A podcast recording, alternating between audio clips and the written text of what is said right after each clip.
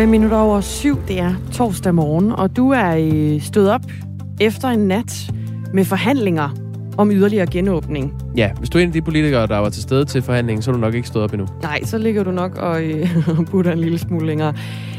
Der ligger en øh, plan klar nu for en yderligere genåbning af Danmark ovenpå øh, coronaepidemien, der har raset. Og vi skal lige så stille tilbage til noget, vi kan kalde normale tilstande herhjemme. Og vi kan lige gennemgå nogle af de vigtigste nedslag i den her genåbningsaftale. Fra i morgen, fredag, bliver åbningstiden på restauranter og barer udvidet til midnat. 15. juli kommer åbningstiden så yderligere til at blive udvidet til klokken 2 om natten. Kigger vi frem til lige efter weekenden på mandag, så bliver kravet om mundbind ophævet på alle områder, undtagen lige i den øh, kollektive transport, når man ikke sidder ned. Der har vi fået en sms. Danse i mundbind, lige så tæt kind mod kind.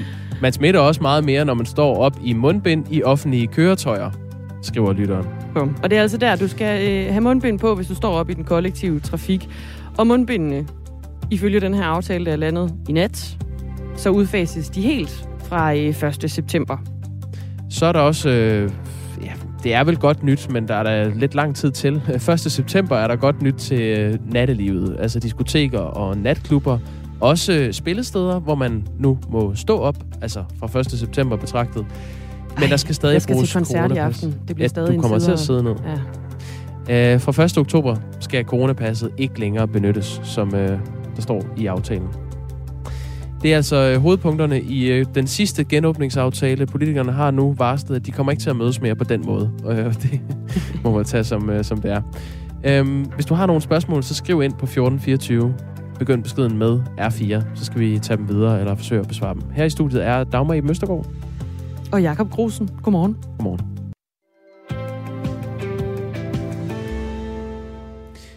Nu skulle vi øh, tale med øh, Peter Velblund, som er corona-ordfører for øh, Enhedslisten, og vi er ikke helt sikre på, om vi har hul igennem til ham. Nu kan vi lige se. Peter Velblund, er du med på linjen? Ja, jeg kan i hvert fald sagtens høre jer. Det var godt. Vi kan da også Godmorgen, høre dig. Velblund. Corona-ordfører Jamen, for det Enhedslisten. fantastisk. Tak fordi du er det med. jo. Ja, Det Ja, blev sent i velkommen. nat jo. Har du fået sovet lidt? Ja, det er blevet til et par timer, men øh, hmm. jeg, jeg synes, det er meget godt tilfreds med, når det bliver sagt, at øh, vi ikke skal blive med at mødes på den her måde. Altså, det øh, passer mig egentlig udmærket. I, I begyndte i går klokken, var det halv fire eller, eller noget i den Ah, dur? klokken 16. Ja, klokken Ja. 16, okay. Ja. Ja. Vi har fået en sms fra en lytter, der spørger, hvordan i alverden kan man forhandle om så få punkter i 12 timer? Ja, det, det var altså også et spørgsmål, jeg stillede mig selv øh, nogle gange her i løbet af i nat, fordi øh, man kan sige, en, en stor del af det øh, var jo noget, der stort set var givet på forhånd. Jeg havde i hvert fald selv skrevet en lille liste over, hvordan jeg forestillede mig, at det endte. og det- Den havnede jo ikke langt fra det. Men, men det er jo sådan, når man sidder og forhandler, at, øh, at der kan jo godt være nogle, øh, der kan være nogle elementer, hvor, hvor, hvor man kommer til at bruge rigtig lang tid på at diskutere noget, som kan synes at være forholdsvis små detaljer, selvom det jo er noget, der, der, har, der har konkret betydning for nogle mennesker. Men, øh, Hvordan, men det, er, det er nogle... Ja, hvis man nu sammenligner øh, med, med den ønskeliste, du så havde med til forhandlingerne, hvordan, øh, hvordan harmonerer den her aftale så med den? Ja, det var, var det, jeg havde lavet, var det, det var sådan mit realistiske bud på, hvor det her det nok endte henne ud fra, hvad jeg sådan havde hørt af, af udmeldinger.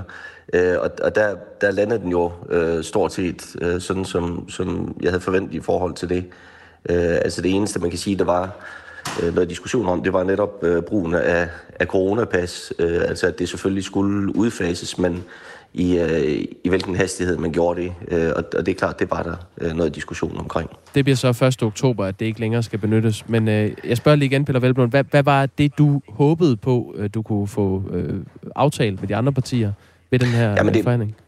Det var sådan set, altså det var øh, altså udfasning af, af mundbind og coronapas, øh, og at, øh, at mundbind skulle, øh, skulle, øh, skulle ophøre, øh, øh, undtagen i, øh, i den kollektive trafik, øh, og så at, øh, at vi også fik lagt en klar plan for udfasning af, af, af mundbindet, eller undskyld, af, af coronapasset, øh, og, og, øh, og at, øh, at vi så også fik øh, påbegyndt øh, øh, hvad hedder det, udfasning af restriktionerne. Øh, og det var blandt andet i forhold til, til, til åbningstider og, og forsamlingsloftet. Vi har en lytter, som mener, at nu er det endegyldigt, at øh, samfundet er altså blevet opdelt i et A- og et B-hold, i hvert fald indtil 1. oktober, hvor coronapasset bliver, øh, bliver afviklet. Øh, netop fordi, at man jo har et gældende coronapas, når man er vaccineret, og dem, der ikke er, de skal stadig testes. regelmæssigt. Hvordan ser du på den sag?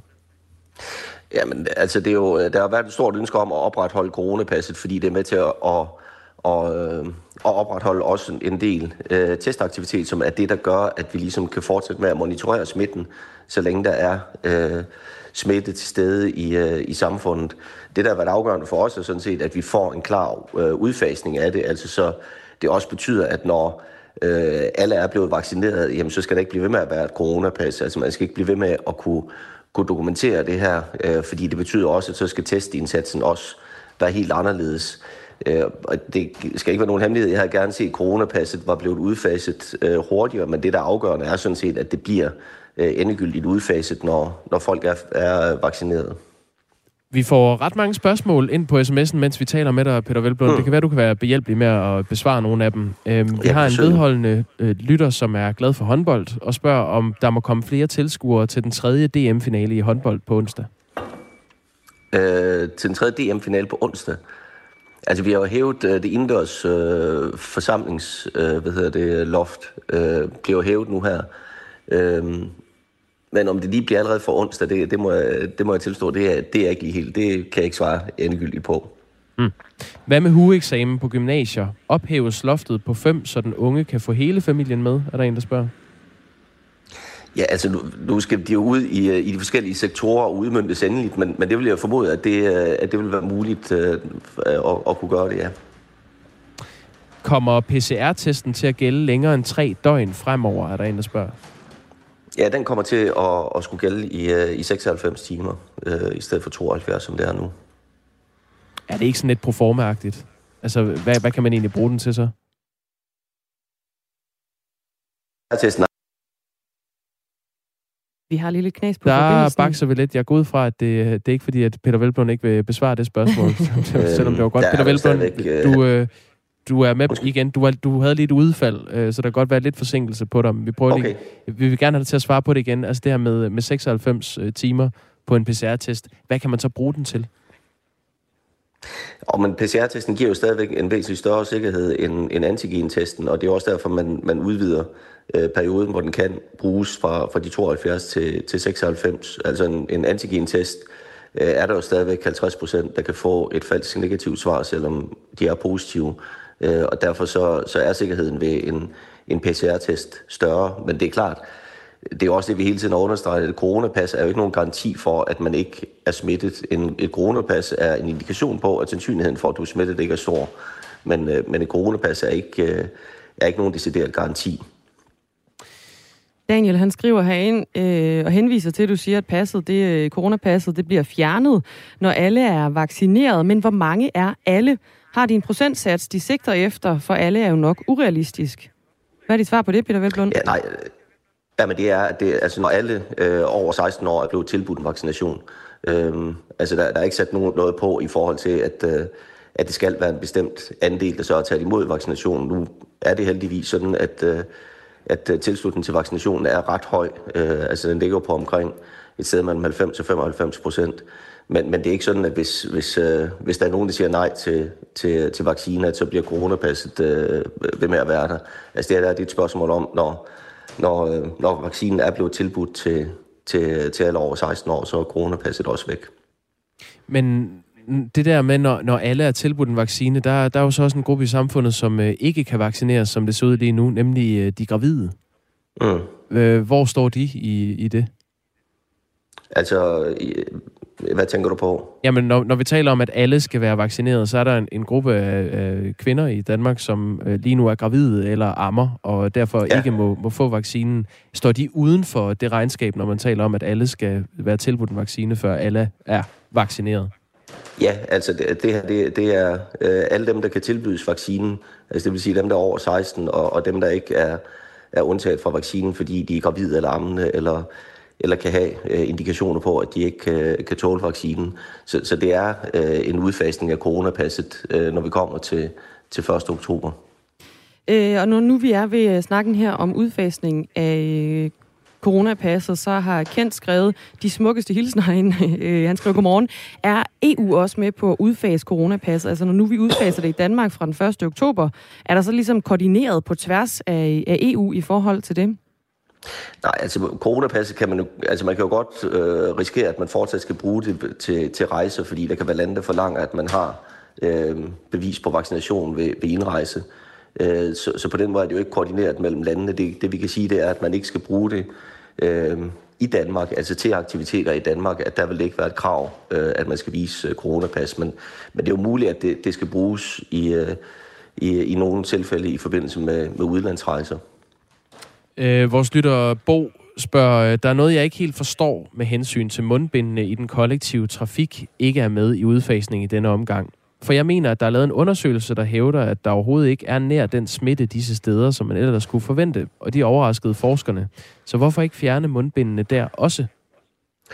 Jamen, når der har været det hensyn til, til den kollektive trafik, så er det fordi, der, der jo stadigvæk øh, er nogle borgere, der ikke er blevet tilbudt vaccine, som, som tilhører øh, en risikogruppe, altså yngre kronikere for eksempel, som øh, imod vores øh, anbefaling bliver taget ud af, af vaccinationsprogrammet. Øh, og det betyder, at man øh, hvis man er øh, sårbar og udsat, så øh, kan man stadigvæk blive vaccineret, før man, øh, det bliver ens tur i, i forhold til vaccinationskalenderen. Men så skal man have en henvisning både fra egen læge og fra en, øh, en hospitalslæge. Øh, og der er der altså nogen, som, som stadigvæk har øh, både en risiko, men også en bekymring for at kunne færdes øh, ude i samfundet. Og der kan man sige, der er det lettere at planlægge, hvis du skal ud og købe ind, eller hvis du skal ud og, og øh, og deltage i aktiviteter, at du kan være, øh, være der på et tidspunkt, hvor der ikke er, er mange mennesker. Men når du skal kunne transportere dig, så skal du have muligheden for at kunne komme rundt, så du netop kan komme ud til både studier og arbejde, øh, sociale aktiviteter. Øh, og hvis du der skal benytte den kollektive trafik, skal du jo også stadigvæk have en vis sikkerhed for at kunne gøre det. Og der giver mundbinden giver altså en, en beskyttelse mod, øh, ikke så meget, at man øh, ikke selv bliver smittet, men at man ikke, øh, hvis man er smittet, at man så ikke øh, smitter andre. Øh, og der har mundbind en effekt. En anden lytter, der hedder Ken, har også skrevet ind på sms'en 1424, startet med R4 en besked, og så er der kommet de her ord ud af det. Det er interessant, at I ikke nævner forsamlingsforbuddet, et brud på grundloven, som åbenbart ikke er lige så interessant som mundbind og masseovervågning. Hvor står øh, vi i forhold til forsamlingsforbuddet efter nattens øh, aftale, Peter Velblund?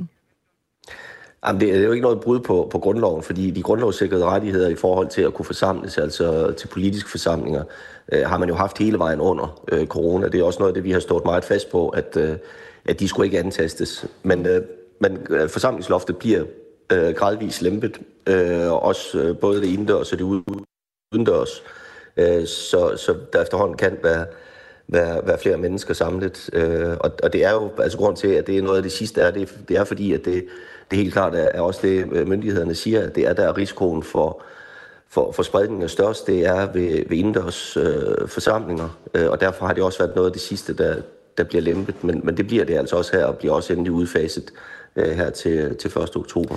I den her aftale for natten ligger, at man fra øh, altså mandag begynder at øh, udfase øh, nogle forskellige ting, også coronapasset på, på udvalgte områder. Det gælder blandt andet på biblioteker og i fritids- og foreningsaktiviteter.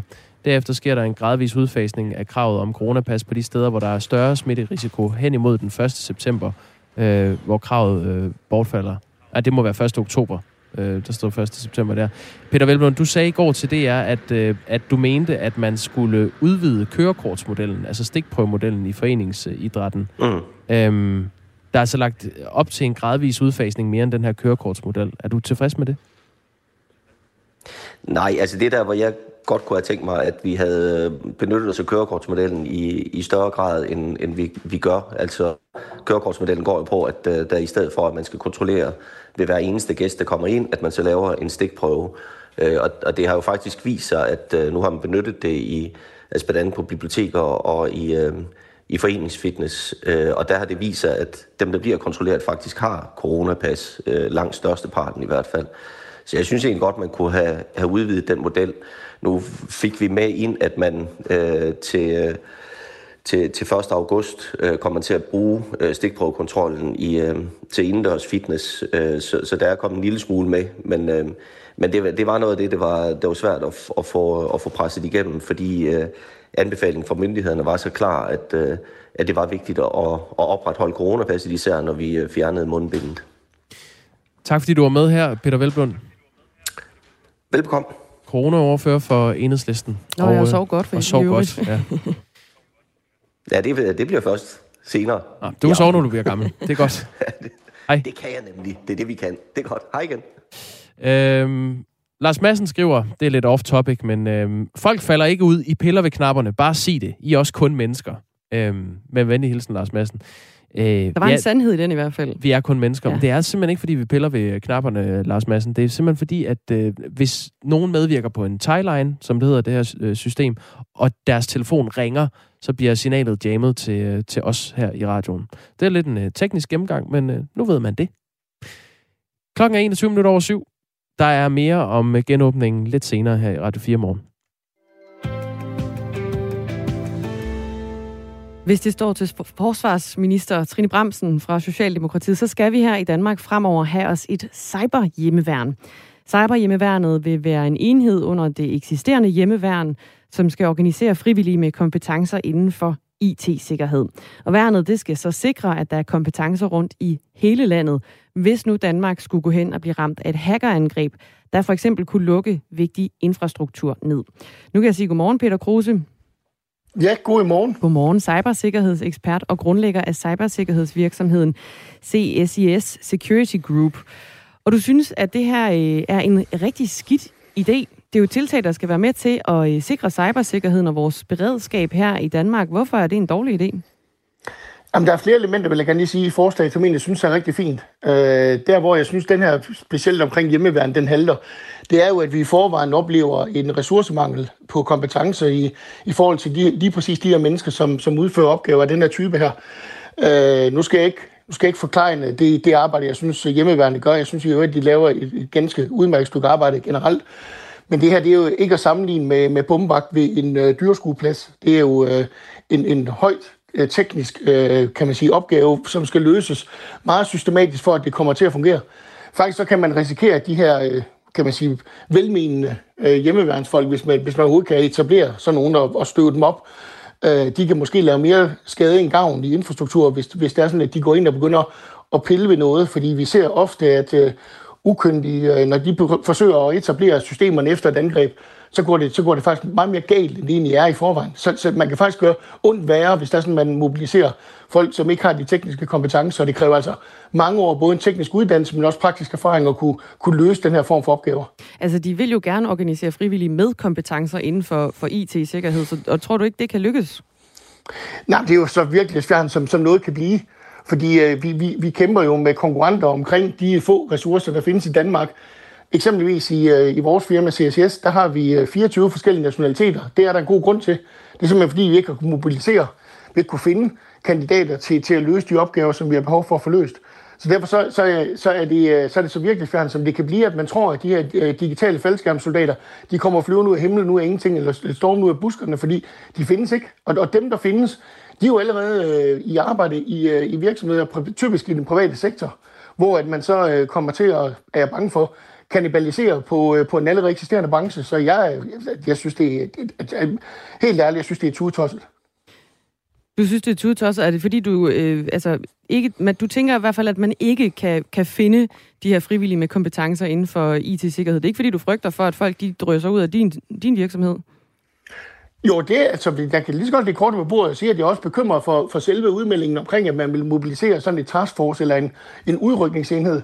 Fordi vi er jo en branche, og jeg tror, jeg taler på vegne af hele den private IT-sikkerhedsbranche her, som jo allerede er etableret, og som, øh, som, som øh, øh tror jeg er bekymret over at se, at vi kan risikere at konkurrere mod vores egen skattekroner. Altså det, det er ulige vilkår. Det er jo, øh, det er jo konkurrenceforvridning af, af den, af den ypperste potens. Altså, jeg, jeg har virkelig svært ved at se, hvordan, øh, hvordan det her det kan hænge sammen på nogen måde, med mindre at man, man lever op til nogle af de øh, ellers fine elementer, der ligger i, i, øh, kontra, den, altså udspillet.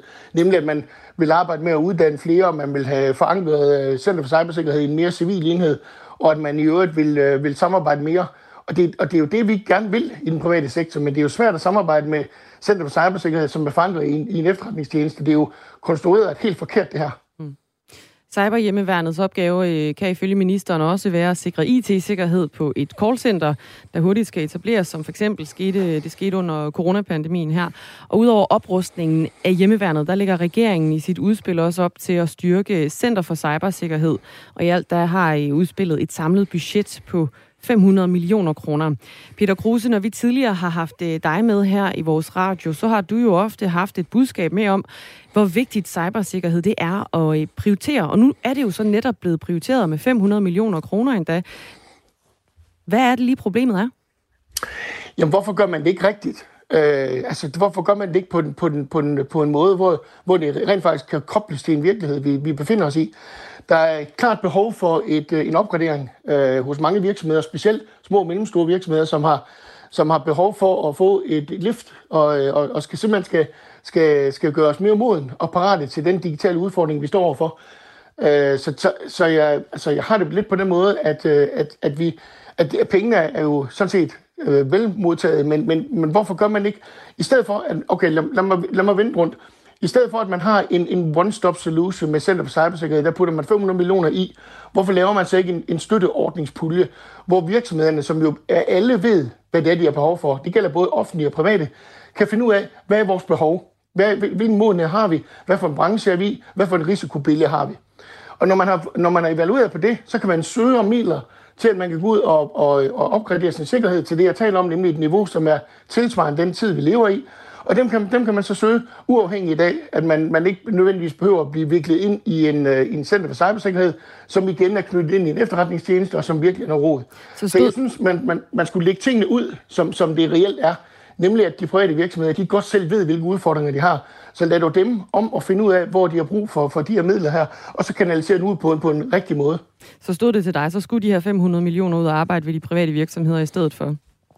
Ja, eller de offentlige. Altså, vi har jo, øh, vi har jo, øh, vi har udfordringer på, øh, på nogle af de samfundskritiske kan man sige, installationer. Det er blandt andet sundhedsvæsen, hvor vi så her for nylig, at en ransomware-angreb stort set mørklagde hele Irland. Så, så det skal vi ikke ud i.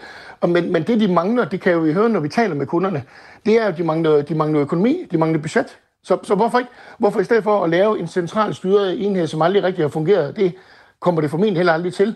Hvorfor så ikke lægge det ud og, og lade de her uh, selskaber eller virksomheder eller offentlige myndigheder selv uh, søge og bestemme, hvad det er, de vil bruge pengene på, og hvor de mener, de bedst er tjent, så de kan yngle på den rigtige måde, så de ikke bare bliver postet ned i et i stort sort hul.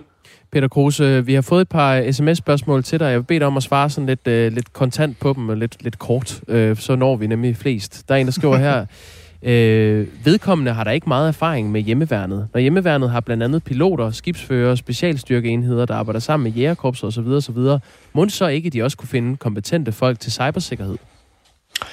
Jamen, skal, skal jeg være kontant på den, så, så er det jo den samme udfordring, jeg står i, når jeg, har, når jeg driver en privat virksomhed, og jeg anerkender, at hjemmeværnet er meget andet end, end bombagt. Det øh, har jeg aldrig sagt andet. Øh, jeg har bare givet et eksempel på, at det var en af de opgaver, de løser. Men, øh, men, men private virksomheder, de, vi står i en situation, at vi ikke kan rekruttere i Danmark, fordi det ikke findes derude. Det kræver simpelthen øh, dyb teknisk forståelse at lave incident response, som det hedder. Det er det, den løsning, som, som Trine Bremsen vil, vil ud og, og, og, og løse gennem hjemmeværnet. Og det, det, det må jeg bare sige, det er ikke en løsning, som jeg tror på nogen måde kan mobiliseres, fordi jeg har heller ikke lyst til at give afkald på nogle af mine eksisterende medarbejdere til at gå ud og løse opgaver, som så er i konkurrence med os selv. Mm. Der kommer et andet en her. Øh, I alle andre sammenhænge er det jo en offentlig opgave at hjælpe borgere og virksomheder, der bliver udsat for kriminalitet. Hvorfor skal man i sådan en situation være afhængig af private aktører i sådan en udsat situation?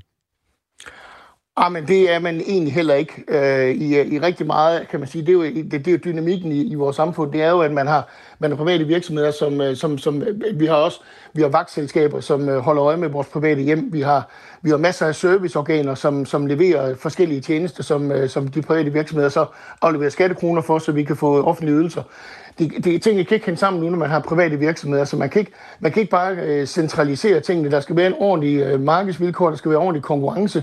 Det skal ikke være et monopol, hvor staten bestemmer, øh, hvordan man løfter opgaver, fordi det vil aldrig på den lange bane være, være, være det, Danmark øh, skal, skal sigte mod.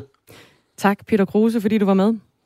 Velbekomme. Cybersikkerhedsekspert og grundlægger af cybersikkerhedsvirksomheden CSIS Security Group.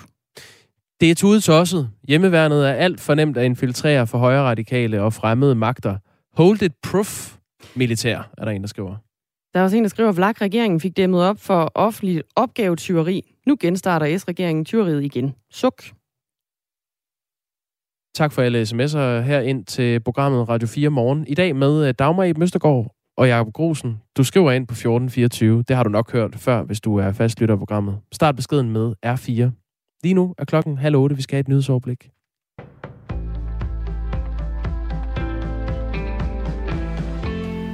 De fleste restriktioner i forbindelse med coronaepidemien er væk den 1. september, undtagen i nattelivet ved rejser og ved arrangementer med over 2.000 deltagere, hvor der frem til 1. oktober skal fremvises coronapas. Allerede fra på mandag er det farvel til mundbindet på nær i offentlig transport, og i morgen kan restaurationerne udvide åbningstiden med to timer ind til midnat. Det fremgår af aftalen, der er blevet indgået af et flertal af Folketingets partier i nat.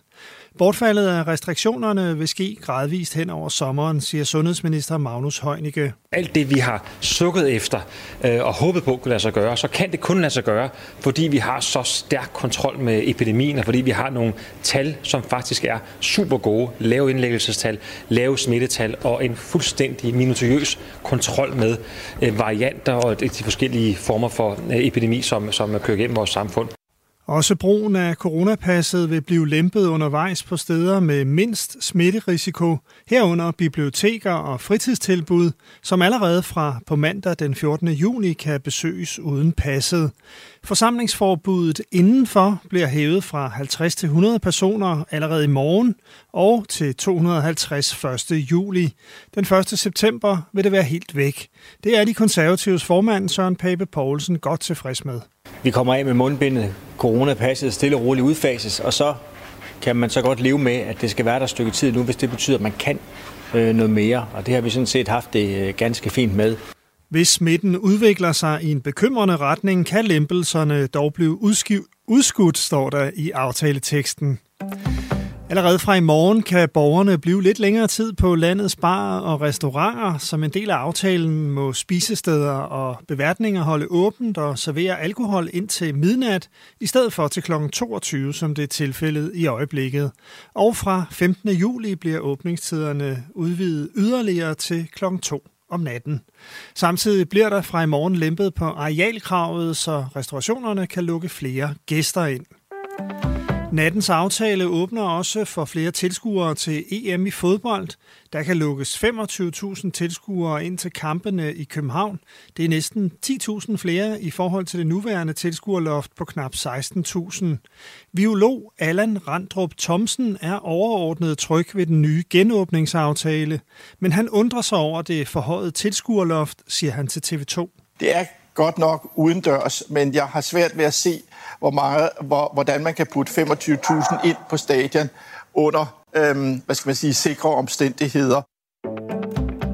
Næsten hver anden kvinde i ungdomspartierne er blevet krænket. Det viser en undersøgelse af kulturen i 11 ungdomspolitiske organisationer, skriver Information. 46 procent af de adspurgte kvinder har oplevet at blive udsat for seksuelt grænseoverskridende adfærd eller krænkelser inden for de seneste to år. 38 procent svarer, at de mindst én gang inden for de seneste to år har oplevet at blive udelukket, nedgjort på grund af deres seksualitet, køn, hudfarve eller udseende og kaldt skældsord. Rusland stempler Putin-kritiker Alexei Navalny's organisationer som ekstremistiske. De er dermed forbudte, og enhver, der deltager i organisationernes arbejde, risikerer op til 10 års fængsel. Forbuddet træder i kraft øjeblikkeligt og udelukker ifølge Reuters medlemmer i at stille op til det russiske parlamentsvalg i år. Udover sit parti FBK står Navalny blandt andet også bag borgerretsorganisationer. Tørt med en del sol, 19-24 grader og svag til jævn vind omkring vest.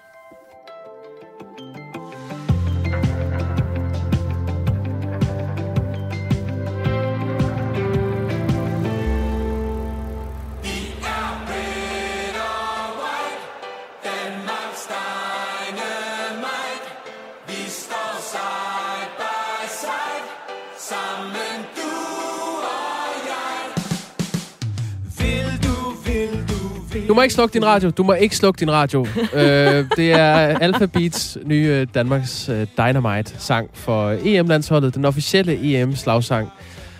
Jeg skal nok lade være med at spille det hele, men jeg vil bare lige omtale den. Fordi den øh, lige nu ligger uden for øh, top 50 øh, på Spotify. ikke sluk din radio. øh, den har 20.000, små 20.000 øh, afspilninger. Okay, hvis du ikke har hørt den, du får lige omkvædet.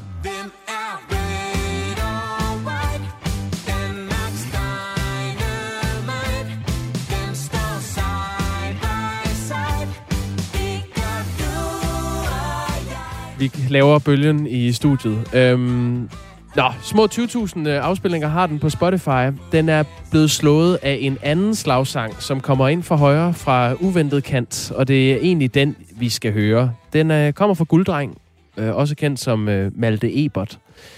En jysk dreng, som øh, har gjort øh, komikkarriere som gulddreng for et par år siden, og nu vender tilbage i, øh, i den rolle. Gulddrengen er genopstået. Han er simpelthen genopstået, og det er med et nummer, der hedder øh, Helt Sikker.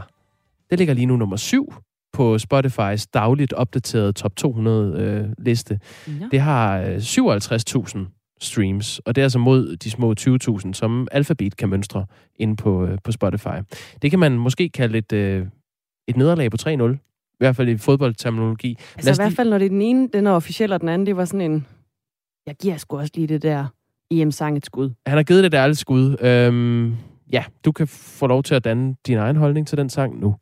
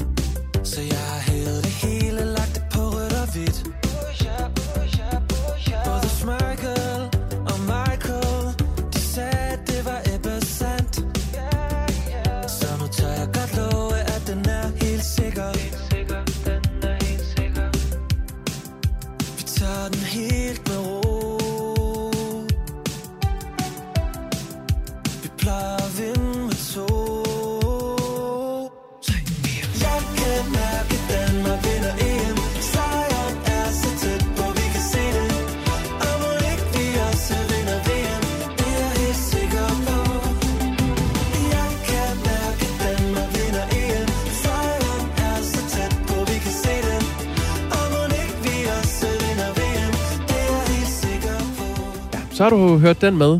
Den hedder Helt Sikker og kommer altså fra Gulddreng. Dagmar i Møstergaard, hvad kan du bedst lide? Åh, oh, det er svært. det er svært. Er det, Hvad altså, synes du om uh, Gulddrengs nummer? Altså, øhm, en vældig frisk, poppet øh, tilgang. Men det, det er Alphabet jo også, altså. Ja, Altså, på den måde går de sådan lidt hånd i hånd, ikke? jeg forstår, hvad du mener. Øhm, der er noget, øh, noget bred appel, eller Ja. i hvert fald forsøg på det, øh, over dem begge to. Ja. Gulddreng er, klarer sig altså væsentligt bedre end øh, Alphabets Danmarks Dynamite lige nu. Bredere appel over gulddrengens.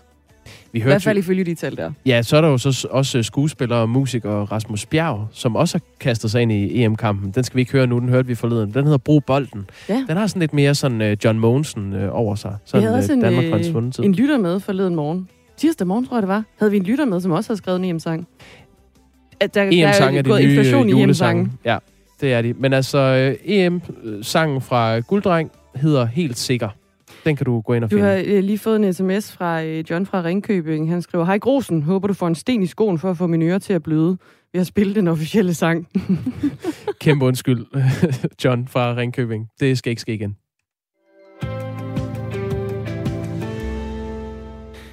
I Aarhus, der skal der bygges et øh, noget omstridt nyt højhus, og det skal vi snakke om nu. Efter planen, så bliver det 150 meter højt, og så skal det ligge nede på havnen. Og det møder altså kritik fra den lokale biskop, skriver Kristelig Dagblad. Og det er dig, Henrik V. Poulsen. Godmorgen. Godmorgen. Du er biskop over Aarhus Stift, og du mener, at det her... er Øh, vi kan sagtens høre dig, Henrik V. Poulsen. Jamen, jeg kan også sagtens høre jer. Nå, det er godt. Du ja. Ja. mener, at det her øh, højhusprojekt, det vil dominere bybilledet og så overskygge domkirken. Og derfor så har du altså valgt at sende et øh, åbent brev til byrådet. Hvad er der forkert i at ligge et højhus med en højde på 150 meter på Aarhus Havn? Det handler om, om omsorg for, for domkirken og, og den gamle historiske bykerne. Det er sådan nogle, det har udviklet sig altså hen over 100. Og så lige pludselig så er der et, et sådan, hvad man kan kalde et spektakulært kæmpebyggeri, som, som bliver placeret meget tæt på. Og det er jo så det, som jeg og min øh, medunderskriver, som er direktør for den gamle by, det vi mener, at det, det ligesom forrykker balancen mellem gammelt og nyt. Og det er jo sådan set det, det, det handler om. Respekten for, for det, der lå der før. Men man bliver også nødt til at følge med en udvikling. Gør man ikke det, Henrik V. Poulsen? Det gør man i, jo, jo, uha. Og det sidste, jeg vil have, det er, at Aarhus skal være et frilandsmuseum. Jeg synes jo, sådan, skønheden i Aarhus, det er jo netop det med, at det gamle og det nye, det har udviklet sig i, øh, i, i harmoni og balance. Men jeg synes lige præcis, at med det her øh, store, meget sådan spektakulære byggeri, der er det ligesom, at den, den gamle, hvad kan man sige, den gamle bydels intim, atmos, intim sfære, den bliver overskrevet på en eller anden led. Men mener du, at Aarhus by bør have Aarhus Domkirke som omdrejningspunkt også, eller hvad? Et af omdrejningspunkterne, altså når du ser Aarhus Skyline, så er det netop en, en, en, en flot balance mellem på den ene side det, det gamle tårn, der har, eller den gamle domkirke, som har ligget der gennem generationer, og, og kraner nede ved havnen, og Aarhus Øst, og de andre, mange af de andre højhuse. Men, men det, på den her måde, der er et eller andet, der, der, der går i stykker her, det stikker af simpelthen ved, at det her nye, store, meget store byggeri, skal jeg lige understrege, mm. at det kommer meget tæt på, og på en eller anden måde kommer til at overskygge det gamle, som har udviklet sig gennem generationer. Men vi skal jo også følge med tiden, siger du, Henrik Vig Ja, Poulsen. vi. så giver det ikke mening, Ja. at man måske for fremtiden får et, et nyt omdrejningspunkt i byen? Jeg ved ikke, altså et omdrejningspunkt, nyt omdrejningspunkt, jeg kan, det jeg godt kan lide ved Domkirken, det er jo altså selvfølgelig, fordi det er jo mine forgængere, der, der har bygget den, og den har ligget, og det er det, der gør, at Aarhus overhovedet står der i dag. Det var der, at man dengang lagde en, en domkirke, og den gamle by voksede op omkring den, generation efter generation, århundrede efter århundrede. Og den har jo altid stået som et pejlemærke, både på et åndeligt pejlemærke og et fysisk pejlemærke for byen. Og det kan du se alle de afbildninger, hvor byen optræder i forskellige brochurer eller turistmaterialer, hvad det kan være. Jamen så er der altid domkirken, der står der som, som det, man forbinder Aarhus med. Og det synes jeg jo egentlig også, det skal blive ved med. Fordi igen, det er jo noget, som generationerne har bygget med på. Og så kommer der et højhus i en tid, hvor vi jo lige pludselig har overskud, og hvor der er nogen, der har rigtig mange penge, og så rejser man sådan et monument, som hvad er det et monument over? Altså man kan sige, at der har domkirken jo en helt anderledes historie, mm. både på den ene og den anden måde at trække på. Og det er altså ikke første gang, at øh, kirken er modstander af nybyggerier i Danmark. En biskop, øh, som for eksempel dig, Henrik Vig Poulsen, kan faktisk også påvirke et højhusbyggeri. Fordi ifølge planloven, så har biskopper som repræsentanter for folkekirken en særlig indsigelsesret over nybyggerier, der kan tage i fokus fra kirker. Og øh, blandt andre øh, sager som, som den her, der øh, er en byggesag, for eksempel om et øh, butikscenter i Holstebro i 2017, som blev så forsinket øh, på grund af indsigelse, at entreprenøren trak sig fra byggeriet. Og her valgte øh, Viborg Stift øh, at lægge veto over øh, den, den her byggesag. Og så var der et byggeri på øh, 15 meters højde, øh, bare 125 meter fra Majbo Domkirke, som tidligere på året også mødte modstand og kritik fra både Lolland Falster Stift og fra Kirkeministeriet. Og der blev så gjort indsigelse, og byggeriet det forløbigt øh, sat på pause. Henrik Vig Poulsen, biskop i Aarhus Stift, vil du gøre indsigelse mod det her højhusbyggeri på Aarhus Havn? Nej, det vil jeg ikke. Øh, og det er der mange grunde til, men, men jeg synes, at, at med en indsigelse, så er det jo ligesom, at, at så slår jeg koteletten i bordet, og så er festen slut. Og så sætter jeg, en, slår jeg en streg over alt det, der er sket. Jeg synes, at det, der skal til i den her sammenhæng, det er jo en, en folkelig debat. Og, og det er jo det, som, som vi oplever her i, øh, i Aarhus.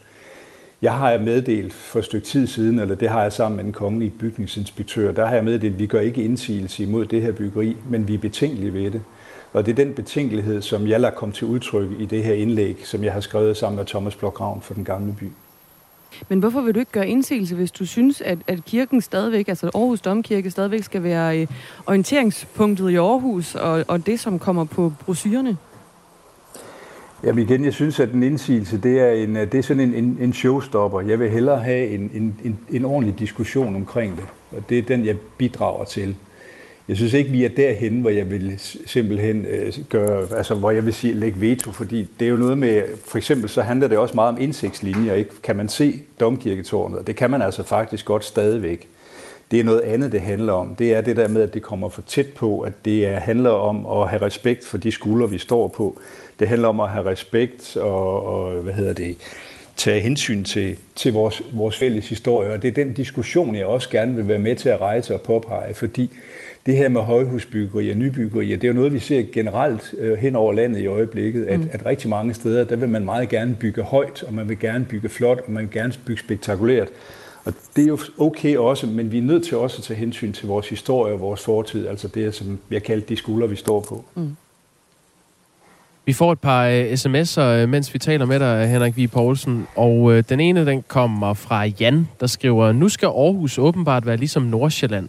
Vi har ingen vindmøller på grund af Kronborg. Kun i Sverige kan vi se vindmøller. Venlig hilsen, Jan. Mm. Øh, Jan lyder som en, der faktisk er ked af, at han ikke kan se så mange vindmøller fra, hvor han bor. Så kommer der en sms her, som øh, måske kan, kan provokere dig lidt. Den kommer fra Bjørn, der lytter med fra Vinderup og skriver, Adskil kirke og stat. Lad udviklingen gå sin gang. Hmm. Hvorfor har han ikke ret i det? I din Nej, optik? det synes jeg ikke, fordi at kirke og stat er jo vævet sammen gennem århundreder, og, øh, og vi er jo stadigvæk øh, rigtig mange, der er medlem af folkekirken, som bærer på den her folke- eller kirke-stat-balance. Jo, men der bliver der færre og færre... FUV. Jamen, vi er stadigvæk, vi har en medlemsprocent, som jeg tror, der er ikke ret mange, der kan, der kan matche. Øh, og det synes jeg i sig selv er et godt argument. Og så synes jeg også netop, det er igen det, som jeg hele tiden slår på, den her respekt for traditionen, for historien, det som vi er rundet af. Og, øh, og det synes jeg jo på alle måder er det, som, som vi bedst kan bevare ved at have et, et godt og stabilt forhold mellem kirke og stat. Hvor vi er to, hvad skal man sige, adskilte, men hvor vi kirken understøtter, øh, eller staten understøtter kirken, men, men ikke mere end vi jo også råder selv i vores eget hus. Ja, og det er, og det er jo ikke et så øhm, overraskende synspunkt fra, fra en biskop, kan, Nej. kan man også sige. Men det er jo, ikke- Nej, der er jo ikke nogen, der taler om at rive øh, domkirken ned. At Der er bare nogen, Nej. der taler om, at øh, nu skal vi have plads til at bygge højere og større. Mm, mm. Jamen det er også fint. Altså jeg har ikke noget imod, at man bygger højt og stort, men igen, man er nødt til at tage hensyn til den fortid, der også er der. Man er også nødt til at tage hensyn til den, til den øh, bygningsmasse, som jo igen har udviklet sig gennem århundreder, og som Aarhusianerne har bygget med på gennem generationer. Og det er jo det, der er så fint ved sådan en gammel by, det er, når man går rundt der, det er jo lag på lag, øh, der er, der er fået til gennem generationer, men hele tiden nænsomt og med respekt for helheden og sammenhængen. Og der jeg synes den, med det nye store byggeri her, der er det lige pludselig sådan, at, at den balance eller den harmoni forskydes eller, eller forskubbes. En aktindsigt foretaget af Kristelig Dagblad tilbage i 2016 viste, at 8 ud af 10 stifter de havde gjort brug af den her øh, ret til indsigelse øh, hen over en fireårig periode. Henrik V. Poulsen, biskop i Aarhus Stift, du vil altså ikke gøre indsigelse mod det her højhusbyggeri nede på havnen i Aarhus.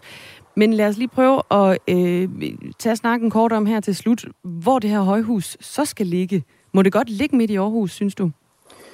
Jamen, jeg synes, at jeg skal jo ikke, jeg er ikke byplanlægger, det er jo ikke mit métier. Øh, Og jeg synes faktisk også, at huset som sådan er et meget, meget spændende projekt. Det er, det er spektakulært, der er rigtig mange spændende tanker omkring det. Jeg synes bare ikke, det skal ligge så tæt, som det gør ved den gamle by og den gamle domkirke. Så hvor langt væk skal det? Jamen to altså steder? igen, der, der sker jo mange andre ting. Der bygges jo mange andre steder i Aarhus. Det er jo faktisk ret voldsomt, så meget der bygges i Aarhus. Øh, og der tænker jeg, der måske så lidt længere ude i, øh, i den, hvad skal man sige, den omkreds, der er omkring Aarhus, hvor der jo også er et fantastisk udsyn ud over bugten og byen som sådan, fordi Aarhus er bygget på så mange østkystbyer, er den jo bygget på nogle højdedrag, og der, på de højdedrag vil man jo også kunne bygge sådan et, et hus med en fantastisk udsigt. Jeg synes igen bare, at man skal passe på ikke at komme for tæt på den gamle bykerne. Den skal også have lov til at være på sin måde. Vi skal passe på sådan det, som en har kaldt nutidshårdmod i den sammenhæng. Og så vise andagt eller respekt over for det, for det gamle. Så lød det fra Henrik V. Poulsen. Tak fordi du var med. Ja, selv tak. biskop over Aarhus Stift. Og det her, vi kan lige sige, at det her byggeri nede på, øh, på Aarhus Havn, det skal ligge nede ved, øh, ved mindet, nede ved øh, Dokken. Det, det store hovedbibliotek, der er blevet bygget for ikke mange år siden. Men det er altså ikke det første højhus, der bliver bygget sådan relativt centralt. Lige nu der er man noget, der ligner måske næsten halvvejs med det, der hedder Lighthouse, som er 148 meter og står lige ude på spidsen af Aarhus Ø. Det må man heller ikke i København. Der må ikke bygges højhuse i den centrale bydel, og det er også for at beskytte den gamle bygningsmasse, er der en, der skriver. Der skriver Erik, det er så øh, til det med adskille kirke og stat. I Frankrig har de da formået at at adskille kirke og stat.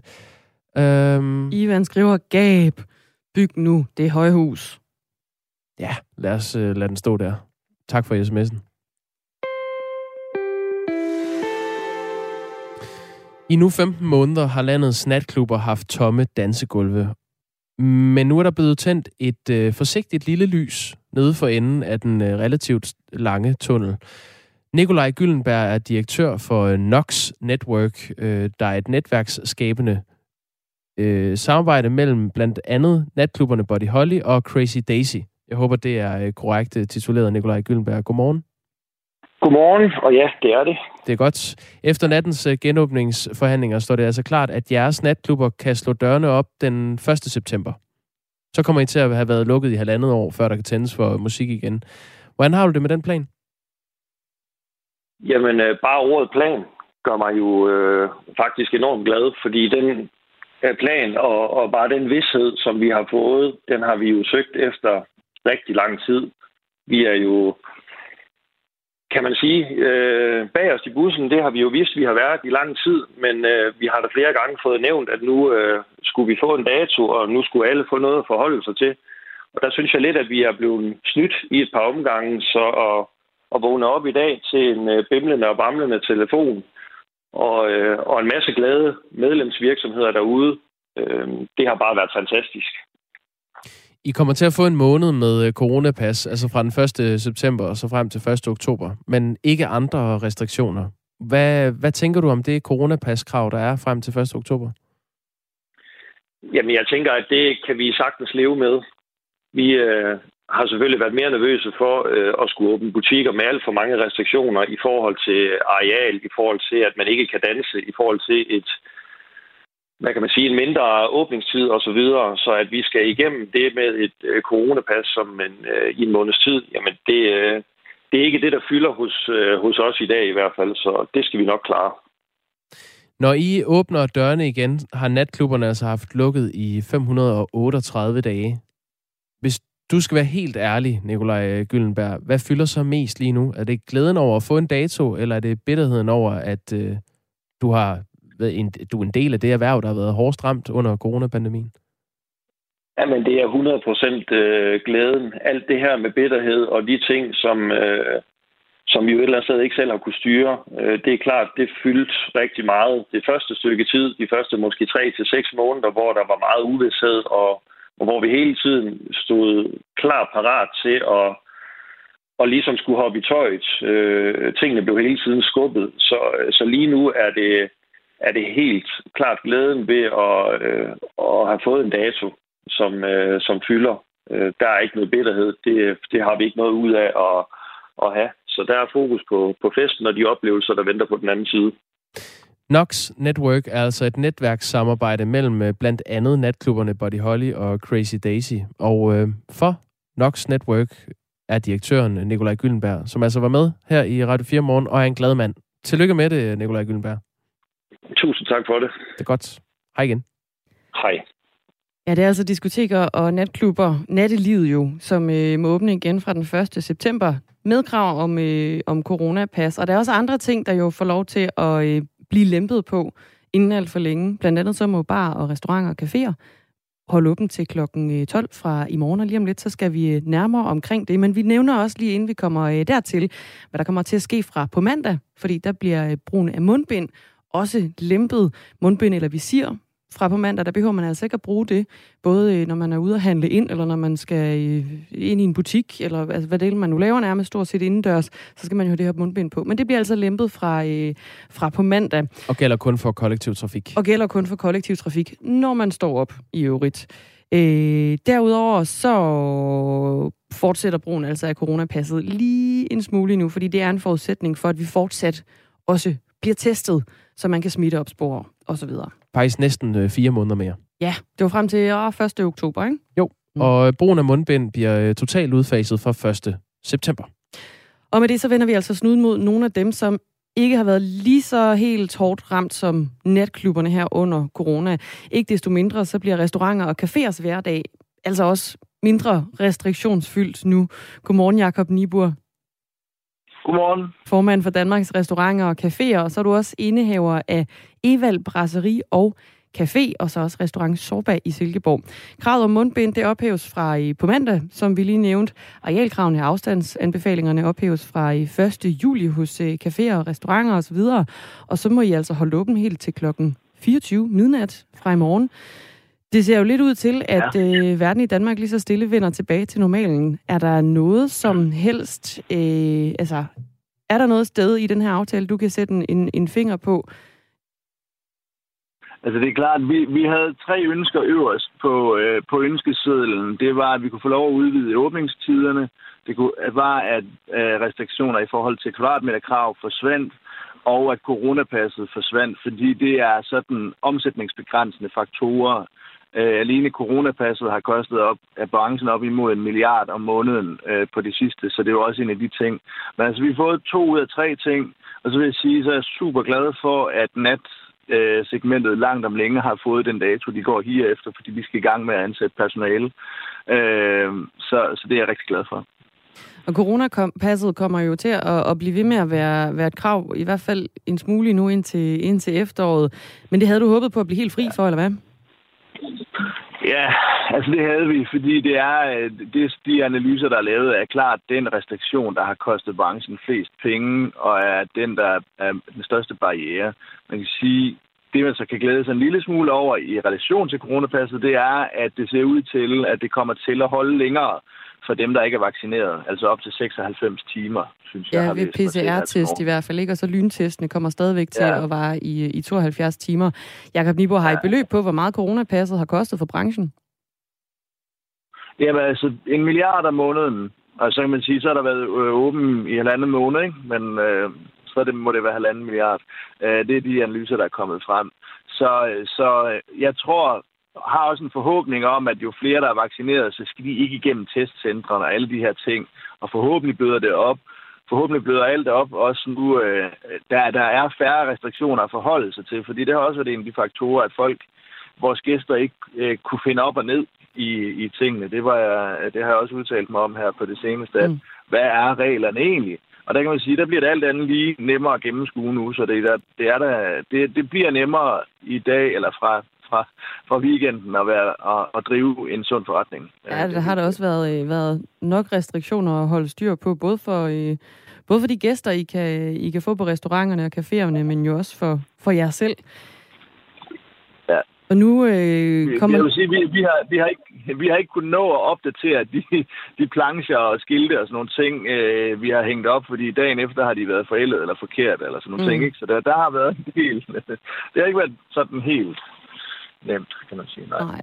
Nu kommer livet så øh, let til at ligne sig selv igen, Jakob Nibur, formand for øh, Danmarks øh, restauranter. Er alt godt nu, eller forudser du andre udfordringer for, for de danske restauranter og caféer, som, som dem, du også selv er indehaver af? Jo?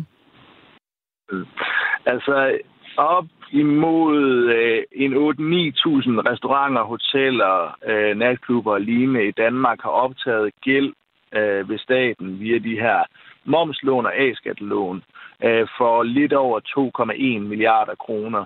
Øh, og de har været til at dække differencen i det, vi ikke fik kompenseret i forhold til faste omkostninger og den de der op til 25 procent af lønnen til de ansatte, vi selv har betalt. Det har vi simpelthen været nødt til at låne af staten. Og den gældspukkel, den ligger øh, og skal begynde at afdrages inden for 6 måneder, øh, og, og, og slut færdig inden for 10, øh, stort set. Og, og det, det tror jeg ikke på, at, øh, at øh, vi kan komme i mål med. Så derfor er der brug for, inden at regeringen går på sommerferie, at kigge på, hvordan løser vi den gældspukkel på en ordentlig måde, så pengene ikke er spildt. Så lyder opfordringen i hvert fald fra dig, Jakob Nibur. Tak fordi du var med. Ja, velkommen. Formand for Danmarks restauranter og caféer, og så også indehaver af Ival Brasserie og Café, og så også restaurant Sorba i Silkeborg. Der er netop øh, tækket en nyhed ind. Øhm, den går på, at øh, nu har politikerne jo forhandlet en genåbningsaftale på plads i løbet af natten, og øh, noget af det, der er blevet besluttet, det er, at der må nu være 25.000 mennesker på stadion. Øh, også til EM-kampene i parken. Og det er jo historien om, at først så måtte de, så måtte de ikke, og nu må de igen. Øh, altså være øh, mange fans på stadion i parken. Så der er jo nogle øh, mennesker, som har øh, arbejdet hårdt og for længe siden på at skaffe sig billetter til øh, kampene mod øh, Finland og Belgien og Rusland på dansk jord. Og øh, ja, det fik de så at vide, at det kunne de ikke øh, få alligevel, fordi øh, UEFA ikke kunne øh, give plads til så mange på stadion. Nu må der komme yderligere små 10.000 mennesker ind på stadion, og DBU har nu besvaret, om det kan lade sig gøre. Svaret er nej. Det kan det ikke. Det kan de simpelthen ikke nå. Øh, nu har man indstillet sig på den anden løsning, hvor der ikke kan være 25.000, men 16.000. Det er en sag, vi øh, prøver at løfte og tale med DBU lidt senere på morgenen. Lige nu er klokken 8.